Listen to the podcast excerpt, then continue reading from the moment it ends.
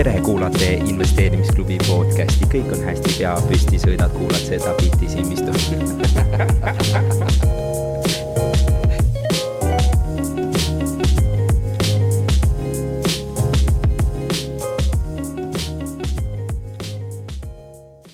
meile tuleb rääkima investor Toomas, ilmselt väga pikka tutvustust ei vaja, et siis välja mõeldud tegelane Äripäeva poolt, kes siis on reaalse rahaga investeerinud turgudele alates kahe tuhandendate algusest. lava on sinu päralt.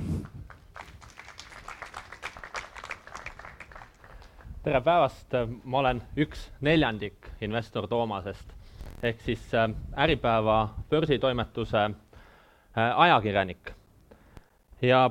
et ma seal eelpool, kui oli arutelu, siis sai natuke veel Toomase tausta avatud, aga igaks juhuks, et ma nagu tausta teaks, et palun andke käega märku, et kes igapäevaselt investor Toomast äh, jälgivad, palun andke märku. et on ka neid, kes, äh, kes igapäevaselt ei jälgi, siis äh, võib-olla kiire sissejuhatus ongi see, et kahe tuhande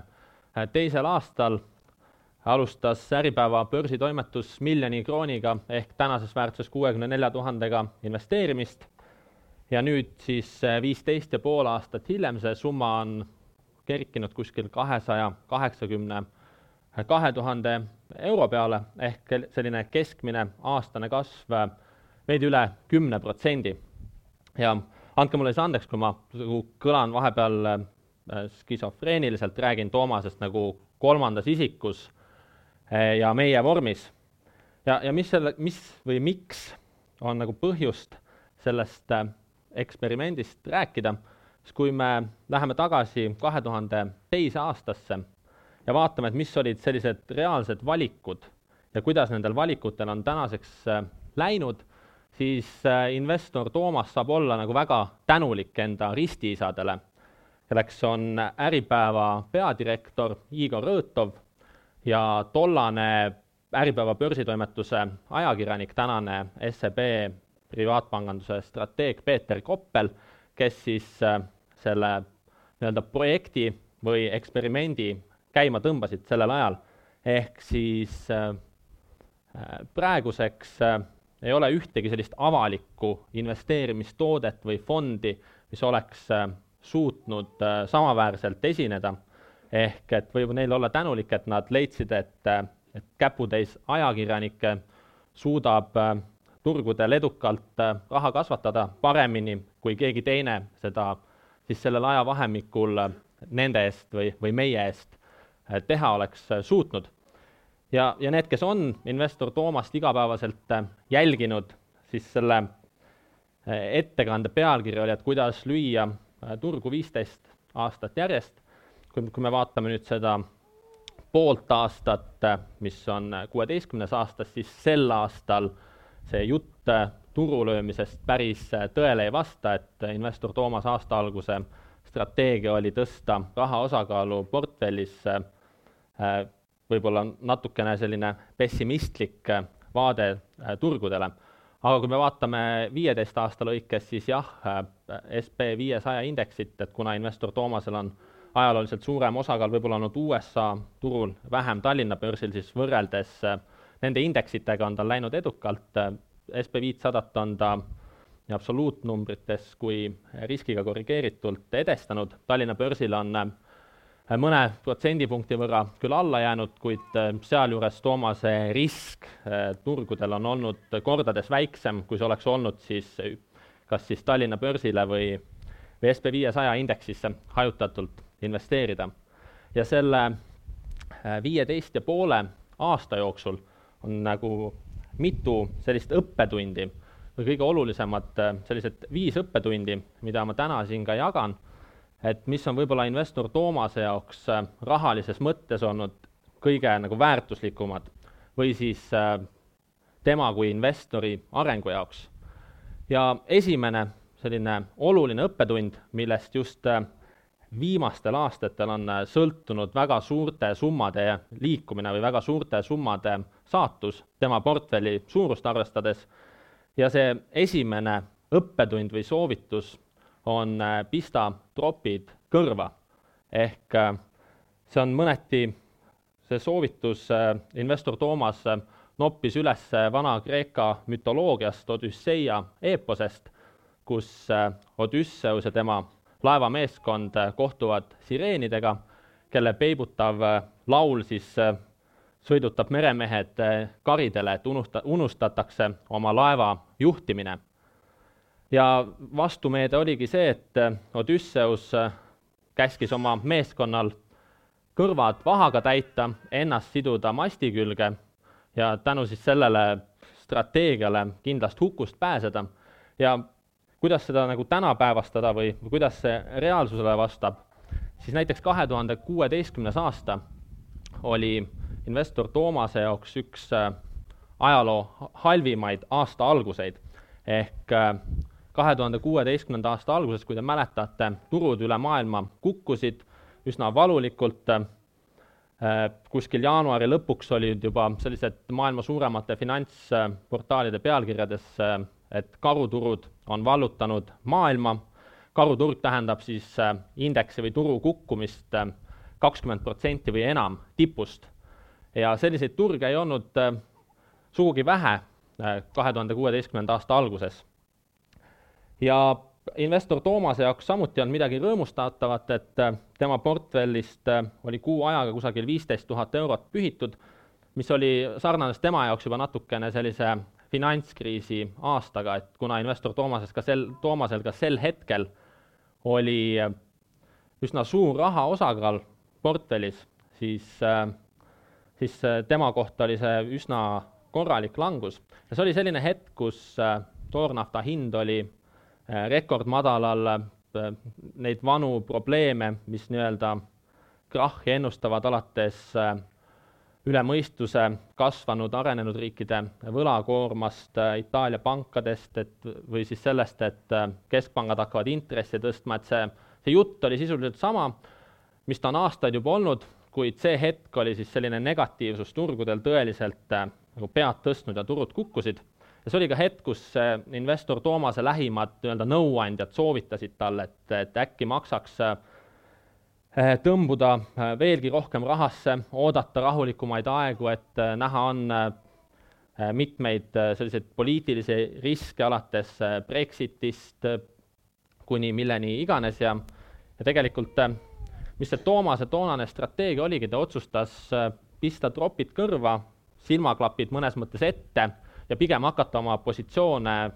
suurendama ja, ja mitte lasta ennast siis nagu segada arvamusliidrite, strateegide, analüütikute hinnangutest, ehk et et ei näinud seda nii süngetes toonides. Ja aasta kokkuvõtteks äh, oli summade mõttes üks investor Toomase edukamaid aastaid, ehk tal õnnestus sellest äh, väga lühikese ajaga tulla välja sellest viieteist tuhande euro suurusest kaotusest, kasvatada oma portfelli sellest äh, madalpunktist kuskil viiskümmend viis tuhat eurot aastaga, puhtalt jälgides seda soovitust, et mida, mida ka varem on talle turud tõestanud. et kui enda portfelli riskid on kontrolli all nendesse ettevõtetesse, usk on, siis puhtalt sellepärast, et äh, turg reageerib väga süngelt, ei, ei, ei maksaks nagu rapsida ja selliseid nagu äh, kiirustades tehtud äh, tehinguid teha, eriti veel, kui investeerimishorisont on viisteist aastat või rohkem.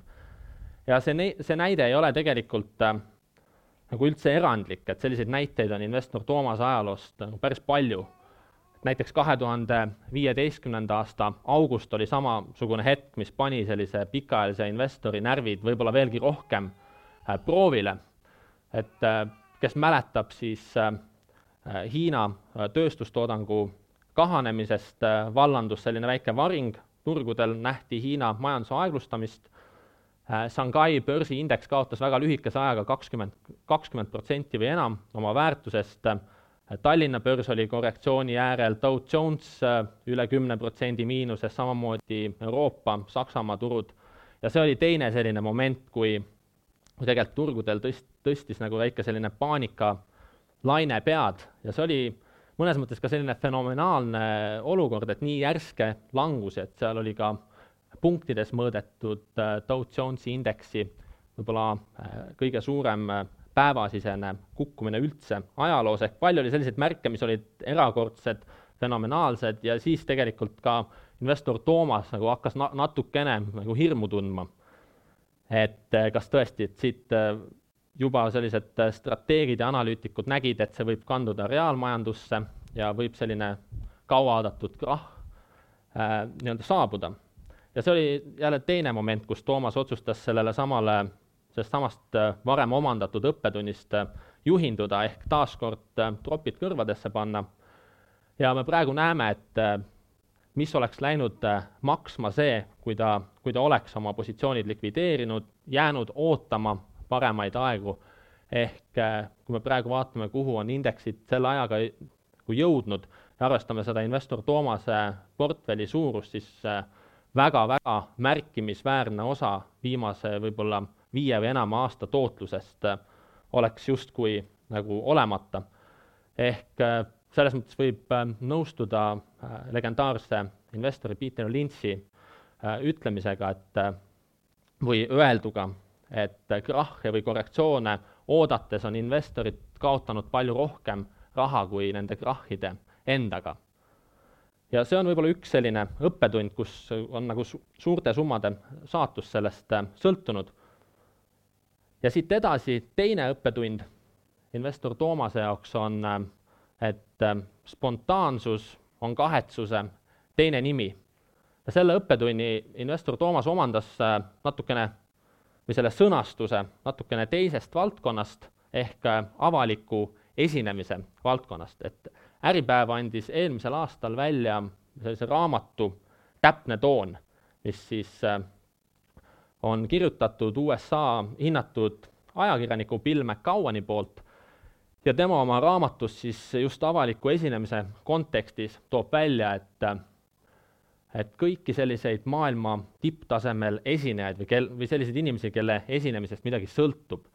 et neid ühendab äh, üks asi, et nad äh, harjutavad pööraselt palju oma äh, selliseid ülesastumisi ja nad valmistavad ette oma selliseid tähtsamaid sõnavõtte. ja seal oma selles samas raamatus ta pealkirjastabki ühe peatüki ja alapeatüki samamoodi, et spontaansus on kahetsuse teine nimi, ehk see point on seal see, et mida vilunum-, vilunumaks te saate, avaliku esinejana, seda suuremaks äh, nagu kasvab see kiusatus, et äh, hoida ettevalmistuse arvelt kokku, improviseerida, äh, olla spontaanne ja ta toob ka seal välja, et ütleme, maailma tipp-poliitikas või kus iganes, et see võib ka olla mõnes mõttes mingitel lühikestel ajaperioodidel, see võib ennast õigustada, kuid mingil hetkel see õnnetu juhus saab teid kätte, te olete mingis debatis, te ütlete midagi rumalat, midagi lolli ja see võib tõmmata tegelikult teie karjäärile kriipsu peale ja investor Toomase äh, jaoks on see õppetund hästi ülekantav ka nagu investeerimise valdkonda. et kui seesama Bill McCowen toob seal oma selles raamatus äh, välja, et äh, selline mõtlematu mõttevääratus olulisel hetkel võib minna inimesele maksma näiteks karjääri, et siis ta võrdleb seal seda tuuma, elekt-, tuumaelektrijaamas toimunud katastroofiga selliseid mõttevääratusi, et see on justkui peaaegu nagu võimatu on seda radioaktiivset sadet hiljem nagu selle levikut takistada ja investor Toomase kogemus räägib sedasama just investeerimise kontekstis. ehk äh, mida vilunum-, vilunumaks või paremaks investoriks te saate, seda suuremaks tegelikult äh, reaalselt kasvab kiusatus hoida kokku aega kodutöö arvelt, teha mingeid tehinguid äh, nii-öelda juhumõtte ajel ja investor Toomas võib öelda oma enam kui viieteist aasta pikkuse kogemuse pealt, et tegelikult ei ole olnud sisuliselt mitte ühtegi ostu- ega müügitehingut, kus midagi oleks oluliselt kiirusest sõltunud. ehk äh, tegelikult pikaajalisel investoril selline kiirus, spontaansus, see võib teatud ajahetkedel töötada, kindlasti võib niimoodi suurt tootlust teenida lühiajaliselt, kuid jällegi ühel hetkel see õnnetu risk saab teid kätte ja selle spontaansuse õppetund on ka see, et nendest spontaansus, spontaansetest äh, tehingutest te tegelikult ei õpi mitte midagi muud või te ei omanda sealt mingeid suuremaid sisulisi õppetunde. ainus õppetund, mille te sealt tõenäoliselt pikaajaliselt omandate, ongi see, et spontaansus on kahetsuse teine nimi. ja kui võtame investor äh, Toomase, siis mõned tema tehingud tegelikult nagu justkui tunduks spontaansed, et ta on kiiresti reageerinud mingi aktsia kukkumisele, ostnud selle ettevõtte aktsiaid, kuid lähemal vaatlusel tegelikult te näete, et investor Toomas on nendest ettevõtetest juba aastaid ennem kirjutanud, pikalt on oodanud ostukohti ja siis, kui see nii-öelda võimalus avaneb, siis ta on lihtsalt realiseerinud oma pikaajalise plaani, ehk see on olnud nii-öelda planeeritud spontaansus. Kuid kolmas investor Toomase õppetund, millest, millega on seotud, ma arvan, investor Toomase kõige suuremad vead investeerimisel. ja selle aasta just kevadel investor Toomas avastas, et ta ei ole selle õppetunniga nagu üksi, et ka teised sellised edasi jõudnud või kaua turgudel tegutsenud edukad investorid räägivad sedasama juttu ja selle õppetunni nimi on, et paber kannatab kõike. ja selle nii-öelda õppetunni sõnastus seekord pärineb Äripäeva kevadisest investorite topist, et Äripäev igal aastal reastab äh, Tallinna börsi poolsada kõige suuremat investorit, kes ei ole insiderid, ehk nad ei ole ettevõttega seotud äh,, nii-öelda juhatuse või, või muu, muul tasandil, et neil, neil ei ole sellist insider või siseinfot ja sinna ei kuulu ka suuromanikud, nendel börsifirmade omad, vaid see on pigem siis äh, sellised äh, suuremad investorid, kes on nendes ettevõtetes positsiooni omandanud. Ja käesoleval aastal üks uustulnuk, seal see aasta oli üldse palju uustulnukaid tänu LHV IPO-le, kõige väiksem portfell, millega investorite toppi pääses, oli natukene alla kahe, kaheksasaja tuhande euro ja üks, kelle nii-öelda õppetundi investor Toomasele seal silma jäi, oli endine edukas kaupleja Lauri Meidla,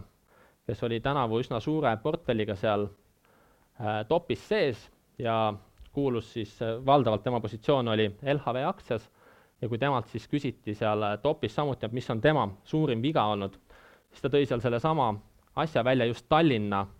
börsifirmade puhul. Ehk et see paber kannatab kõike ja teinekord äh, väga atraktiivsete numbrite ja näitajatega ettevõtted võivad äh,, võivad nad nagu, nagu tunduda sellised väga head investeerimisideed, kuid tegelikult on äh, tegu nagu kõndivate laipadega. ehk, ehkki kasumlikkus ja omakapital ja kõik võib, võib tunduda nagu lootustandev, siis äh, nad on nagu mõnes mõttes elavad surnud ja Tallinna börs on äh, sellele nagu kinnitust andnud, ehk äh, paber tõepoolest kõike nagu kannatab ja investor Toomasele seostusid enda ajaloos ühed halvimad tehingud, üks hea näide kahe tuhandendate aastate esimeses pooles oli näiteks Nokiasse investeerimine. et kui me praegu tagasi mõtleme sellele, siis see tundub nagu väga halva ideena, aga sellel ajahetkel investor Toomas on olnud nagu ajalooliselt rohkem Exceli põhine investor, juht, juhindunud pigem numbritest ja sellisest äh, tahkemast ja, ja süvamast äh, fundamentaalanalüüsist. ja sellel hetkel siis äh, kui investor Toomas sinna kahe tuhande kolmandal aastal investeeris, aastaga ta kaotas oma investeeringust kusagil viiskümmend protsenti, kuid sel hetkel, kui ta sinna investeeris, Nokia omakapitali tootlus oli kolmkümmend protsenti, ta oli turuliider, ta maksis regulaarselt dividende, võlatase oli, oli okei okay, e, ja, ja hind oli soodne suhtarvude järgi, ehk sellise klassikalise väärtusinvestori jaoks justkui,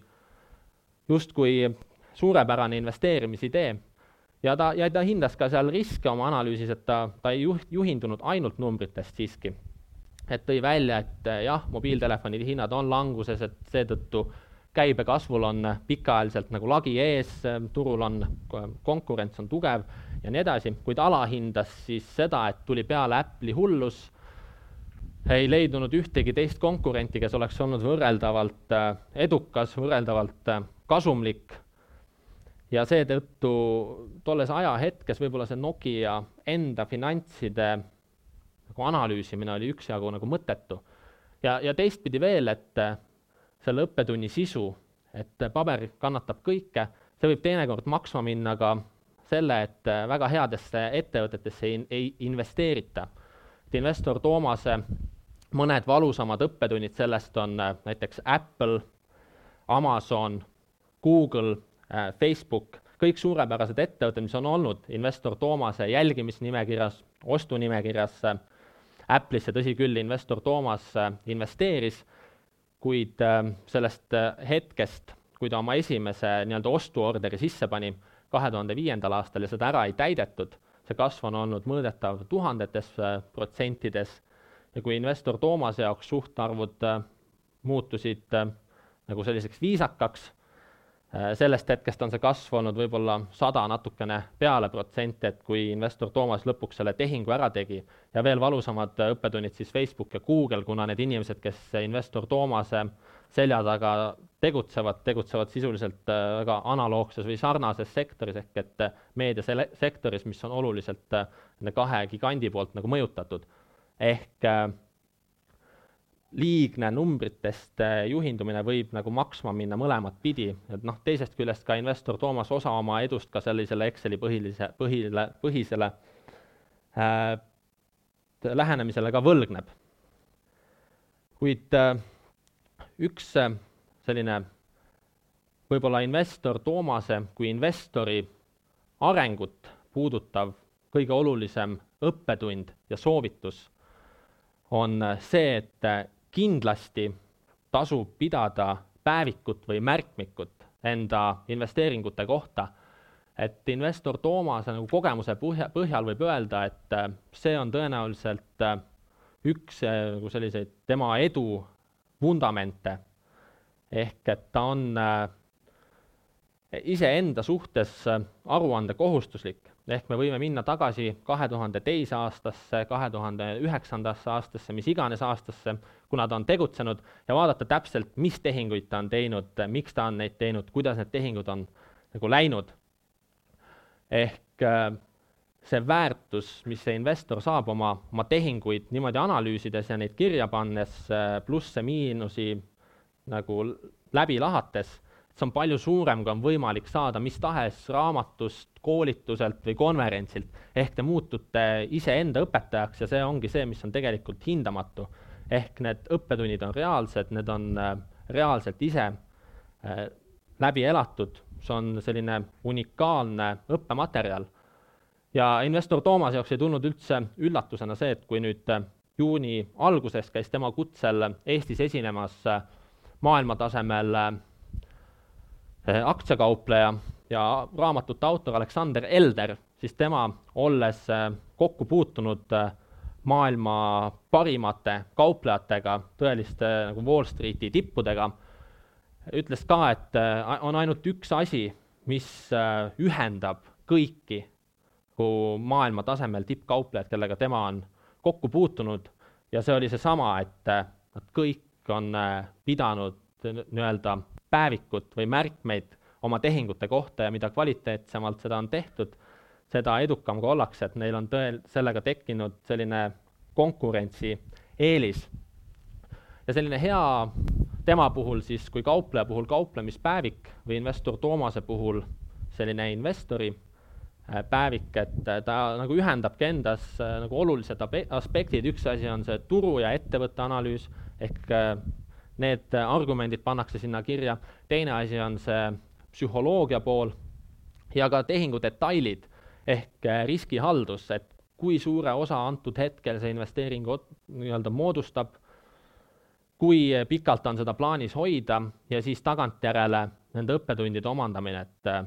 ja ma kujutan täiesti ette, et äh, see ei pruugi nagu kehtida ainult investeerimise ja, ja kauplemise vallas vaid ka teistes valdkondades. ja, ja see, see ei pea olema nagu investor Toomas, et ta ei pea olema nagu avalik blogi või ta võib olla ka iga inimese enda selline isiklik äh, kas või paberi ja pliiatsiga, et kui need äh, punktid on nagu üles kirjutatud iga tehingu puhul, nii enne kui pärast, et äh, siis on väga raske enda vigade eest nagu minema põigelda või, või lähtuda siis sellisest soovmõtlemisest. ja investor Toomase võib-olla selline viimane oluline soovitus, mis on äh, temal aidanud äh, alati nagu rahulikult magada kõigi oma tehingute puhul, on see, et äh, tasub hoida mõistlikku riskitaset. Ja investor Toomase puhul see tähendab seda, et mitte kunagi ei ole nii-öelda riski alla pandud kogu kapitali, et kaugel sellest. ja see on ka põhjus, miks äh, nii-öelda riskiga korrigeeritult investor Toomas on edestanud nii SB viiesaja indeksit kui, kui Tallinna börsi, ehk ma võin mõned näited tuua sellest, et äh, kuidas Toomase risk on nii-öelda hallatud, ta on eelistanud seda juhtida raha osakaaluga, mis on aidanud tal hoida nii-öelda kuiva püssirohtu siis, et ju, juhuks, kui turgudel peaks mingi müügipaanika tekkima, et tema saaks rõõmsalt minna ostma, et tema puhul ei üldse ei assotsieeru see, et turgudel on äh, kukkumine, see ei ole tema jaoks äh, üldse nagu muresõnum, et pigem vaatan börsitoimetuses on vastupidi, et kui turgudel on nagu väike korrektsioon, et siis inimestel on pigem entusiasmi rohkem, nad on pigem rõõmsamad ja turgude tõustes on see nagu vastupidi, et aina raskem on leida häid ideid. ja selle näite juurde, et kui näiteks äh, kõik investor Toomase investeeringud, mis tema portfellis täna on, peaksid minema pankrotti. Need on globaalselt suurtegijad tema portfellist, et äh, ja kui kõik need üle kümne positsiooni peaksid pankrotistuma, siis investor Toomase jaoks kogu tema portfelli lõikes oleks äh, kukkumine endiselt väiksem, kui oli langus, mis näiteks tabas äh, kahe tuhande kaheksandal aastal äh, Tallinna börsi. ehk et ta teadlikult ei ole pannud oma kapitali nagu löögi alla, et on olnud alati pigem liiga ettevaatlik ja pi-, pigem nagu liiga valmis, kui siis, et äh, liialt optimistlik. ja, ja see on nagu, mõnes mõttes on ta tõenäoliselt mõne protsendipunkti tootlust äh, tänu sellele ajalooliselt äh, kaotanud veelgi, või veelgi enam. Kuid äh, kui nagu tagasi mõelda, et kui näiteks oli finantskriis ja SB viiesaja indeks kukkus kusagil ligi nelikümmend protsenti, Tallinna börs üle kuuekümne protsendi, siis investor Toomase portfelli langus ei ületanud isegi mitte kahteteistkümmet protsenti, et see mõne protsendipunkti suurune nii-öelda tootluse vahe on olnud ka võib-olla see hind, mida Toomas on maksnud enda nagu hingerahu eest. Ja seda enam on tarvis leida väga häid investeeringuid, ehk et see, et see tootlus äh, oleks ikkagi nagu selline investori jaoks ahvatlev või vastuvõetav, et see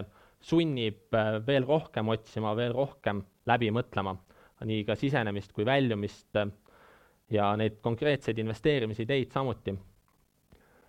ja, ja lõpetuseks võib-olla veel, et selline investor Toomase enda kokkuvõte, et neid viit õppetundi ta ise peab alati nagu enda jaoks äh, meeles, sest sellest tõepoolest nagu väga palju sõltub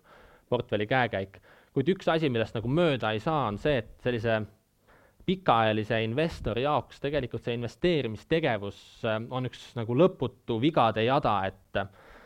sisenemine on äh, liiga vara või hilja, portfelli hajutatus või varaklasside omavaheline kokkusobivus ei ole kõige parem, et neid äh, vigu, et investeerimisidee läheb rappa, et neid tegelikult äh,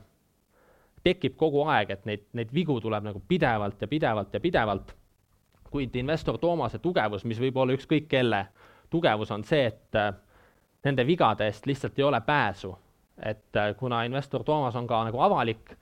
siis ta ei saa nagu valetada, et ta on oma lugejate ees ähm, sada protsenti aruande kohustuslik, kõik tema tehingud on äh, kontrollitavad. Äh,, need on nagu nähtavad, need ideed on nagu nähtavad, ehk et äh, selline sada protsenti läbipaistvus ja just see aspekt, et ei saa oma vigade ees äh, nagu silmi sulgeda, ma arvan, et see on üks äh, suuremaid tugevusi Toomase puhul. Ja, ja lõpetuseks veel, et äh, üleskutse, et kui paljud investorid on tegelikult seda ka kasutanud, et investor Toomasele võib kirjutada tema tehinguid, tema portfelli juhtimist võib äh, kritiseerida, võib käia omalt poolt välja investeerimisideid või, või jagada kogemust.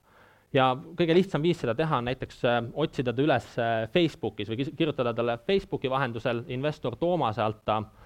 ta leiab üles ja, väga paljud investorid on seda võimalust ka kasutanud ja, ja väga teretulnud on.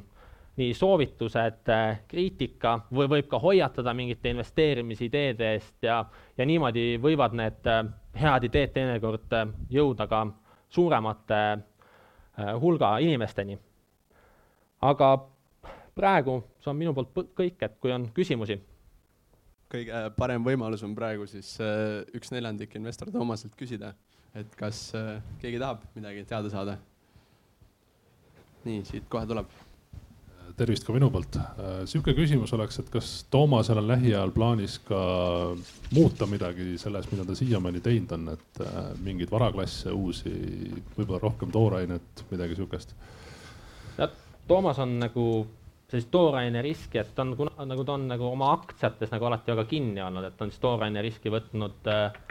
läbi näiteks Statoili aktsiate, mida me tooraineks nimetame, et äh, mõnes mõttes nagu ta on kalandussektoris sees läbi. ma mõtlesin nagu päris puhtalt nagu toorainet, mitte toorainega tegelevat ettevõtet. Äh, ta on jälginud, ta on vaadanud neid nagu instrumente, aga ta ei ole ennast suutnud äh, selles osas nagu piisavalt ära veenda. ehk et kui tal oli valida näiteks siis, kui nafta hind oli nüüd põhjas rekordmadalal, siis tal oli valik, et tal olid need instrumendid ees, siis ta vaatab, kas investeerida läbi ETF-i, läbi võimendusega ETF-i või valida välja mõni sektori nagu liider, siis ta ei suutnud endale seda ideed tol hetkel näiteks maha müüa, siis ta nägi, et ta pigem investeerib Statoili, ettevõte, mille tegevus on tal äh, arusaadav, stabiilne, riigi osalusega ettevõte maksab äh, okei okay, dividende, tollel hetkel dividendi tootlus oli Toomase jaoks palju parem, ta nägi, et ta pigem ta suudab pikaajaliselt Äh, nagu rahulikumalt magada, olles äh, Statoili investor, sest et Statoili tegevust natukene on lihtsam nagu ette ennustada, sest seal on mingid asjad, mis on nagu mõjutatavad juhtkonna poolt, nagu me nägime, et äh, küll, aga, aga samal ajal Statoil kärpis jõuliselt kulusid, ta pitsitas oma väiksemaid partnereid, ehk et lõppkokkuvõttes Statoil tuli sellest nafta hinna sügavamast põhjast veel tugevamana nagu välja. et seda puhtalt nagu tooraine puhul on see natuke nagu keerulisem. et ta kaalub, ta kaalub ja, ja ta on nagu mõelnud sellele aga seni ta ei ole suutnud, suutnud ennast nagu veenda, aga see ei tähenda, et ta tahaks äh, teiste instrumentide ees nagu silmad kinni hoida, et seda mitte. aitäh. veel küsimusi? tere, kas äh, Toomasel on olemas äh, aktsiate või firmade list nüüd juba konkreetselt, mida ta väga täpselt, et kui ju midagi juhtub, nojah, samas te ütlesite, et kiirus ei mängi tegelikult mingit rolli, aga kas on olemas niisugune konkreetne list juba, et vot neid me ekstra kohe oleme ära analüüsinud, et kui nüüd on, et siis me nagu siis oleme. on, on. see list äh, on, seal on nagu noh, on mitmeid selliseid ettevõtteid äh,. osad neist ettevõtetest, mis on nii-öelda ostunimekirjas, on need ettevõtted, mis tal juba portfellis on, aga on ka teisi väga häid ettevõtteid, mis tal on nagu äh, silma jäänud, kus ta tahaks olla nagu pikaajaline pikaajaline investor sees, et ta väga lihtne näide näiteks Facebook, mida ta on nagu pikalt liiga kalliks nagu pidanud, Berkshire Hathaway oli samasugune selline näide, et ta nagu võttis väga pikalt hoogu. Ja samamoodi näiteks äh, seal ostunimekirjas, et tal on see olemas, seal on, äh, äh, seal on omajagu nagu ettevõtteid, lisaks jälgimisnimekirjale, mis on nagu pikem, ja, ja tegelikult need viimastest tehingutest enamus ongi olnud need, mis on olnud tal ostunimekirjas, et Ryanair oli ettevõte, mis on investor Toomase hinnangul nagu superettevõte, see oli pikalt tal nagu jälgimisnimekirjas ja ostunimekirjas, siis ta kirus aeg-ajalt, et nagu hind on ikkagi kallis ja nii kui turgudel selline volatiilsus äh, tekkis, äh, alguse sai see siis äh, eelmise aasta kevadel Brüsseli terrorirünnakute järel, kus aktsiat tabas nõrkus, et oli aasta algusest üle kümne protsendi kukkunud, siis ta kohe ostis, see oli spontaanne, aga see oligi selline planeeritud spontaansus, ta oli ammu jälginud seda. ja teine hetk oli siis Brexit, kui, kui Ryanair kukkus veel valulisemalt, et ühel hetkel üle kahekümne protsendi ja siis ta suurendas seal positsioone. ja tal oli plaanis, et seal pikaajaliselt positsioone veelgi üles ehitada, aga see taastumine oli lii-, nii kiire, ehk et äh, ta juba käesoleva aasta alguses võt-, müüs osa nendest aktsiatest, natuke on tal veel nagu käes neid, ja, ja see tõus on olnud väga järsk ja väga kiire ja isegi ootamatult kiire, ehk et siis ta, ta võib täiesti ka müüa need ülejäänud aktsiad mingi hetk, et siis jälle oodata seni, kui see hind peaks muutuma talle nagu jälle vastuvõetavamaks äh,? aitäh äh,, selline küsimus oleks, et mainisid siin äh, seda nii-öelda kuiva püssirohtu ja siis seda sularaha hoidmist. et äh, mis on see nii-öelda trigger, milles äh,, mida te otsite või vaatate, millest te saate aru, et, et nüüd on see koht, kus seda kogutud püssirohtu hakata laskma. Ja kui laskmiseks läheb, et siis mis tempos seda